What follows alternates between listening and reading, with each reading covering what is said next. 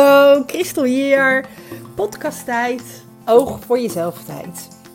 Nou, als je mijn uh, vorige podcast geluisterd hebt, dan uh, daar heb ik het over gehad, over, het, uh, over uh, gewoontes veranderen. Over waarom het soms lastig is om, om weer met iets te beginnen. als je er een tijdje mee gestopt bent bijvoorbeeld, of om iets nieuws te starten.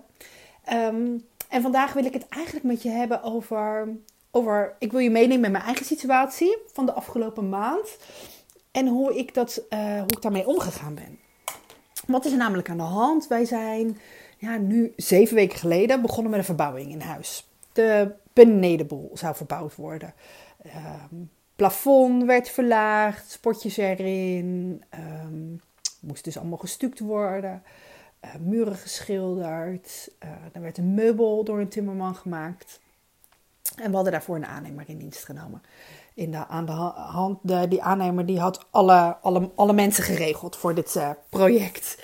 En um, ja, dat is zeven, we zijn nu zeven weken verder. En um, we leven nog steeds in mijn kantoor. Mijn kantoor is al zeven weken onze woonkamer. Nou, ik heb echt een heel fijn kantoor. Um, ik, ik, voel me daar super lekker. En tegelijkertijd merk ik ook, um, na zeven weken is het niet meer mijn plek. Want hij is van ons allemaal geworden. En, en ik merk dat het met me doet. En ik merk dat ik, um, ja, dat ik het nodig had om daar iets over te delen. Omdat ik denk dat je het herkent. Ik, ik weet zeker dat uh, velen van jullie dit, uh, als je... Uh, als je even terugdenkt aan een lockdown en aan thuisonderwijs. Uh, aan dat je vanuit huis in moest loggen en je werkplek. Ik, weet dat niet iedereen de luxe heeft om een werkplek te hebben. Het zou zomaar kunnen dat je aan de eettafel zat en dat jij de eettafel gebruikte om, uh, om, om je vanuit je werk uh, je werk vandaan te doen. Of dat je zelfs nog kinderen naast je had die daar zaten. En um, ja, misschien dat ik dan nu pas echt kan zeggen hoe jij je daar, dat ik begrijp hoe je je gevoeld hebt. Um, want alles is echt wel veel makkelijker als je een eigen werkplek hebt. En als je, je werk ook, als je bij je werk ook je werk kan houden. Dat is het fijne als je op school zit. Hè, dat je uh, vanaf het moment dat je de deur achter je dicht trekt. Dat, dat je, er zijn er zat hoor, die werk mee naar huis nemen in hun hoofd en in hun tas. Maar dat je ook gewoon een gedeelte echt op school kan laten, energetisch gezien, als je de deur achter je dicht trekt. En dat uh, is niet aan de hand, dat is anders als jij thuis vanuit huis werkt. Want um, ja, als je eettafel je werktafel is, um, dan, ja, dan zit dat in je hoofd verankerd met elkaar. En dan is het heel lastig om, om dat te scheiden. En dat is ook wat er bij mij uh, gebeurde de afgelopen weken. En in het begin kon ik dat elke keer nog wel aardig shiften voor mezelf. Maar ik merkte ook, nou, hoe langer het duurde, er zaten wat dingetjes tegen. Um, er gebeurde in deze twee weken ook niks, omdat er een miscommunicatie was tussen die werkmannen onderling. Um, ja, dat, dat, dat, dat doet wat. En ik ben erachter dat uh, het heel belangrijk is, of een hele grote rol speelt hierin, verwachtingen. En, en ik denk dat, dat dat iets is wat we allemaal herkennen. Want, want we, we hebben aan de lopende band in ons leven allerlei, op allerlei vlakken verwachtingen. We hebben, je hebt op je werk verwachtingen van uh, aan het einde van les hoe goed kinderen bijvoorbeeld je les meegedaan hebben en ze de stof beheersen. Je hebt verwachtingen als je bijvoorbeeld een ouder belt als er iets gedoe is geweest op het schoolplein uh, met een kind. Je hebt verwachtingen uh, als je thuis komt na een lange dag werken. Er, er bestaat over alles in het leven verwachtingen.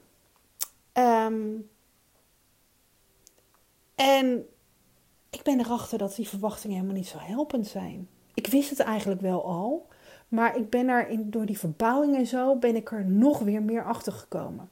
Je kunt je voorstellen, hè, dat, is, dat is hetzelfde als dat, um, ja, als er een deadline is, als je ergens naar uitkijkt. Nou, neem bijvoorbeeld een vakantie.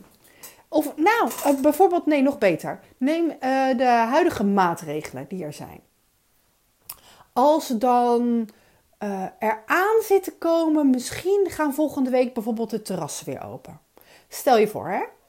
Daar, daar kijk je enorm naar uit. En dat wordt dan een week opgeschoven of twee weken, omdat ze er toch nog niet met volle tevredenheid dat kunnen, kunnen laten opengaan. Dan ben je teleurgesteld. En je bent enkel en alleen maar teleurgesteld omdat jij volgens die verwachtingen leefde. Zo ook bij ons in het huis. We hadden verwacht dat het in een week of vier zeker klaar zou zijn.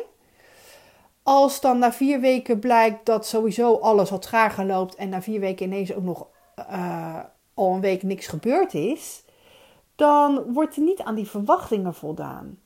En, en dat maakte de grootste teleurstelling. En, en, en teleurstellingen, ja, die kunnen soms wel helpen, maar over het algemeen geven die gewoon ook gewoon een niet fijn gevoel. En, en ik merkte dat het mij heel erg hielp door alle verwachting los te laten.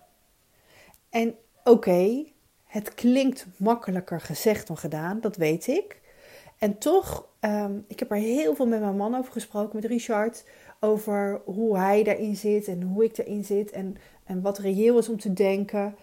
En wij merkten allebei, uh, doordat we daarover met elkaar in gesprek gingen, doordat we verwachtingen loslieten, dat we bleven verlangen naar het resultaat, maar dat we de verwachtingen in de tijd daarin loslieten, dat het ons heel veel rust gaf. En dat maakte ook dat toen wij anderhalve week geleden ineens als gezin uh, in één dag allemaal door de teststraat moesten en positief bleken. En thuis in een quarantaine moesten. En de een zieker dan de ander. Ehm, en daardoor dus die verbouwing ook nog weer een week stil lag. Um, trof het ons eigenlijk niet meer zo. Omdat we alles losgelaten hadden. We hadden enkel en alleen hebben wij voor ogen. Er komt een moment dat het, het klaar is. En dat het is zoals wij het willen. En wanneer? We gaan het wel zien. We hebben er vertrouwen in dat het resultaat helemaal wordt zoals het is. En ik merk dat daardoor het ook uh, makkelijker is om met dus onverwachte dingen, veranderingen om te gaan. En ik realiseer me dat dit, dit voorbeeld, dit is iets wat we op heel veel dingen in ons leven uh, kunnen projecteren en kunnen gebruiken. Want bedenk maar eens vandaag alleen al, uh, totdat je nu naar deze podcast luistert, weet ik zeker dat er iets is gepasseerd waar je een bepaalde verwachting van had. En, en nou zijn verwachtingen niet per definitie slecht. Um, wel als het verwachtingen zijn die jezelf uiteindelijk ook kunnen beperken. Dus ga eens kijken waarin jij van jezelf misschien je verwachtingen wat bij mag stellen of misschien zelfs mag weghalen. Hoe het, hoe het zou zijn als jij uh, zonder verwachtingen, zeker als, als er anderen in het spel zijn, want op anderen heb je geen invloed. Um, ja, hoe het zou zijn als je dus je verwachtingen los zou laten. Is een interessant iets. Ga er maar eens over nadenken. En uh, uh, ga maar eens kijken, om, bedenken wat het je op kan leveren. En dan zul je merken dat het een hele hoop is. En dat het vooral veel rust en lucht geeft. En dat wens ik je echt toe, rust en, en lucht. Want weet je, als je jezelf kan toestaan om daar rust in te vinden en lucht te krijgen, dan wordt het nog makkelijker om voor jezelf te zorgen. Heb je nog vragen hierover? Uh, laat het me weten hoor, via de mail uh,